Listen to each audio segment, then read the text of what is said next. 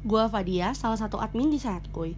Sehat Kuy udah mulai ngerambah nih ke podcast.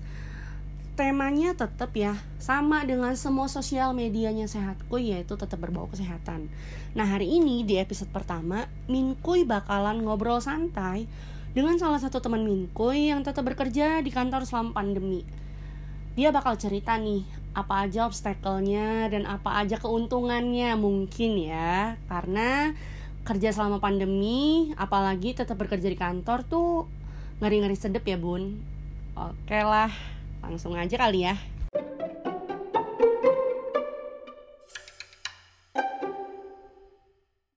Nah gue udah bareng teman gue nih uh, namanya Didul. Kita manggil panggilan aja kali ya biar lebih akrab. Halo Didul. Hai Fadia. Basa-basi dulu aja kali ya lu kerja di mana sih Dul? Jadi uh, gue kerja di salah satu perusahaan di Jakarta Selatan Yang bergerak di bidang oil and gas. Waduh keren juga. Dul gimana sih sistem kerja lo selama pandemi?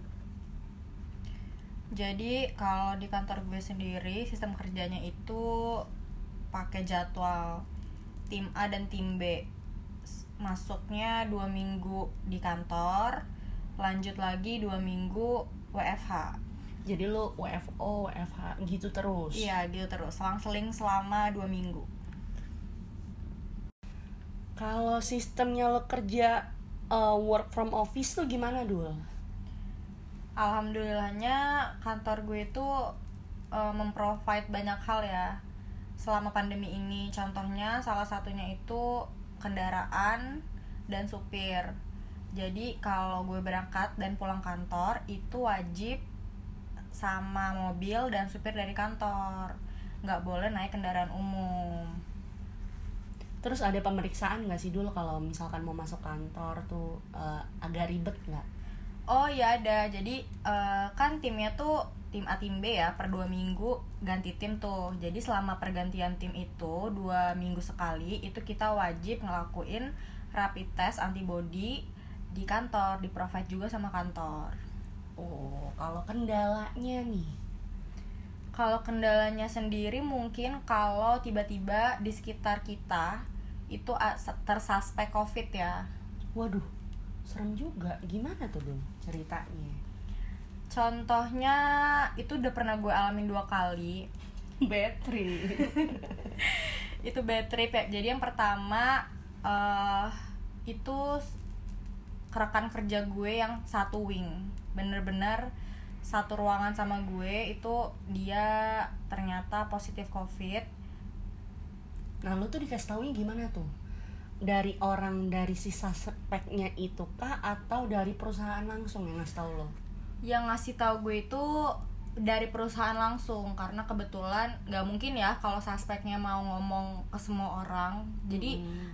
sistemnya itu kalau kita sampai eh, tes nih PCR lalu ternyata hasil positif itu kita wajib ngasih tahu dulu ke kantor ada dokter kantornya sendiri dan ada tim gugus covidnya sendiri nanti dari tim gugus covid itu yang ngasih tahu nih nge-tracing dia kontak sama siapa aja. Jadi si suspek ini hanya butuh cerita sama tim gugus covidnya aja. Dia kontak sama siapa aja di satu ruangan sama siapa aja. Nanti dari tim gugusnya sendiri yang ngabarin siapa-siapa aja yang perlu kena tracing lalu di PCR Jadi semuanya itu benar-benar terdata ya oleh kantor. Siapa aja yang emang udah kontak langsung sama dia, siapa aja yang mungkin eh, hanya lewat kayak gitu ju- juga tetap kena tuh dulu.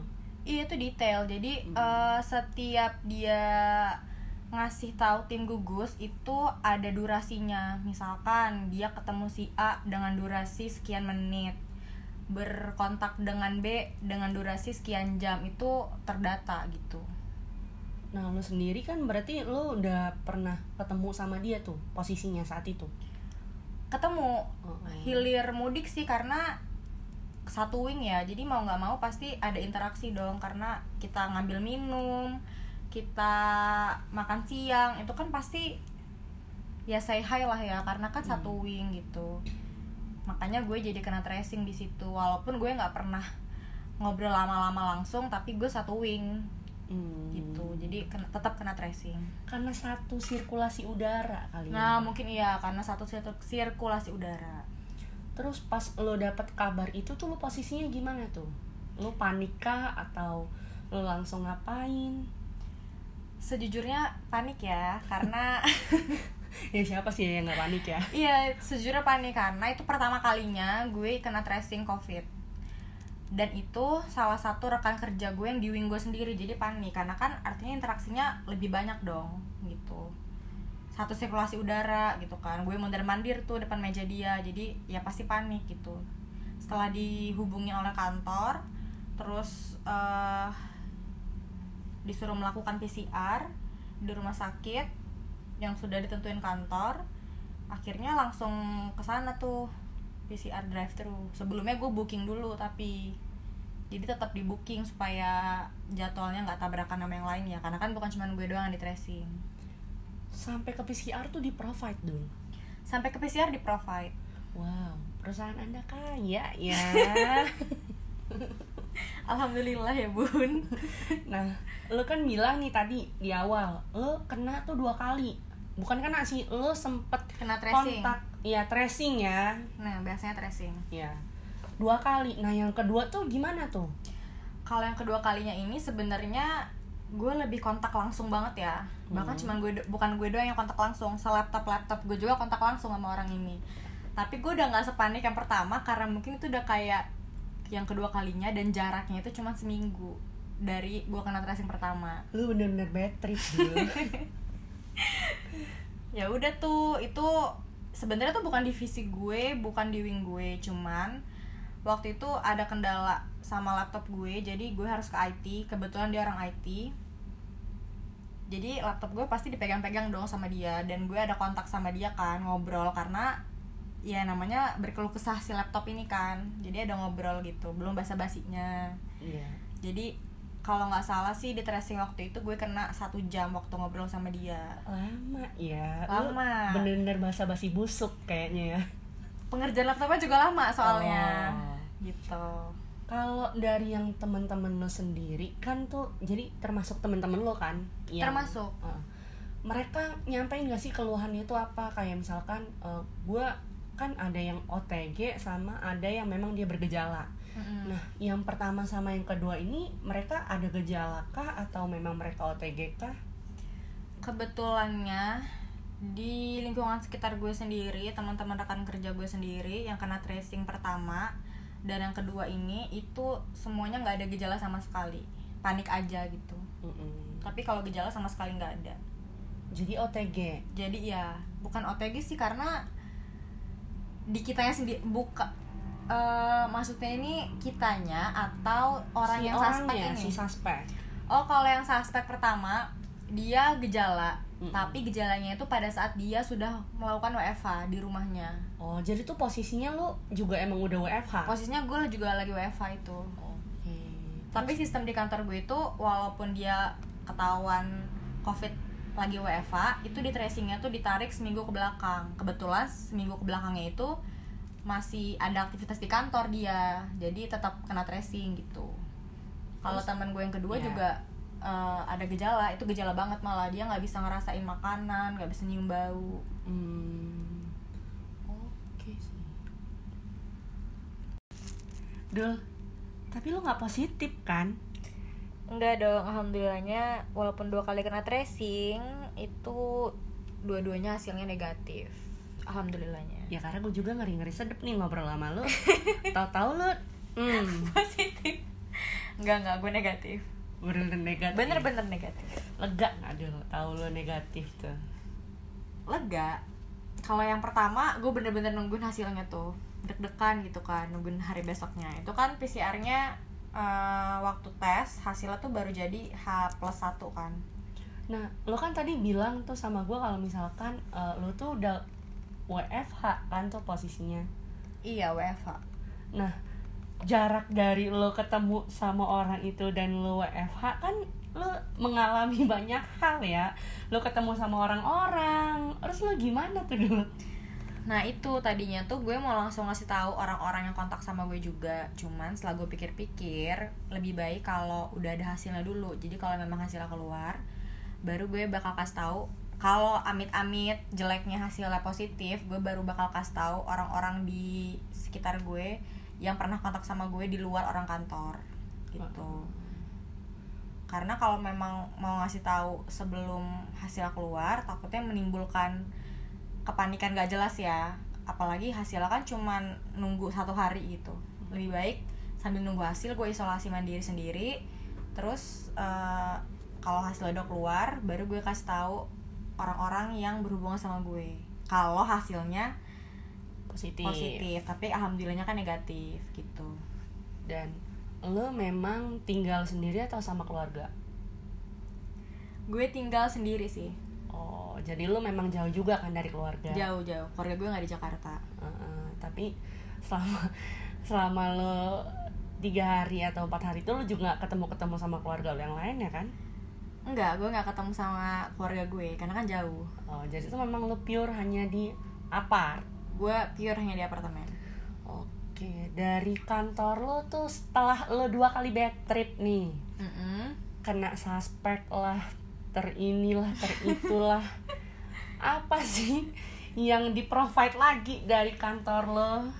Eh, ini mungkin bukan cuma kantor gue kali ya, Iya. tapi banyak kantornya kayak gini juga. Jadi divaksin gitu. Gue dapat jadwal vaksin juga. Kebetulan seminggu setelah gue kena tracing yang kedua, itu gue langsung dapat jadwal vaksin, vaksin pertama. Jadwal vaksin. Iya. pengalaman lo nih gue kan belum pernah vaksin dul tuh vaksin gimana sih dul gue juga udah pernah sih maksud gue gue pernah live dan gue juga memang udah tahu apa sih eh, semua pengetahuannya tuh tentang si vaksin tapi kan gue kayak nggak pernah dengar langsung aja nih dari orang yang memang udah pernah divaksin. Boleh dong lo sharing ke gue Oh, mungkin prosesnya kali ya. Kalau mungkin beda-beda ya. Kalau gue sendiri prosesnya itu pertama gue didapat SMS dari kantor pusat gue. Dapat SMS jadwal vaksin terus ngisi form. Form itu yang akan di print dan dikasih nantinya ke panitia vaksin kebetulan waktu itu gue vaksinnya di Istora Senayan GBK Oh tuh jadi gue gue sempat tahu tuh karena memang lagi rame-ramenya semua BUMN kayaknya lagi vaksin ya. iya benar semua Iya. BUMN lagi vaksin Uh, terus terus eh, jadi di pas sampai di ya, Istora, itu Iya. itu ada panit itu kan harus pakai atribut kantor ya mungkin biar lebih dikenal gitu ya kayak Hmm. oh ini kantor ini di sini gitu jadi karena rame ya. karena rame kan? banget, Iya, iya. bukan cuma satu gua bisa kantor gue kan. bisa bayangin sih. Iya. gitu nah jadi ya udah karena ada panitianya tuh panitianya juga pakai atribut kantornya jadi kita tahu kita harus ke mana terus diarahin kalau kantor gue sendiri harus isi absen ada barcode gitu di scan isi absen terus diarahin sama panitianya lagi untuk menuju ke ruang tunggu vaksinnya masuk ruang tunggu itu sambil nunggu antrian lalu masuk ke asesmen dari asesmen itu itu kita ngumpul formulir tuh ditanya-tanya segala macem Kayak uh, riwayat penyakit. Terus riwayat lo penyakit semuanya dengan lo yang udah dua kali uh, kayak kena tracing dari teman-teman lo, itu lo jujur atau gimana? Itu gue jujur itu gue jujur. Apalagi itu gue kena tracingnya baru-baru dari covid baru-baru sebelum vaksin ya seminggu Hmm. sebelumnya. Itu gue jujur gue bilang. Tapi gue juga bawa uh, bukti, oh bawa bukti. Jadi Uh, memang iya lo safe untuk negatif lo mm-mm. divaksin. Benar.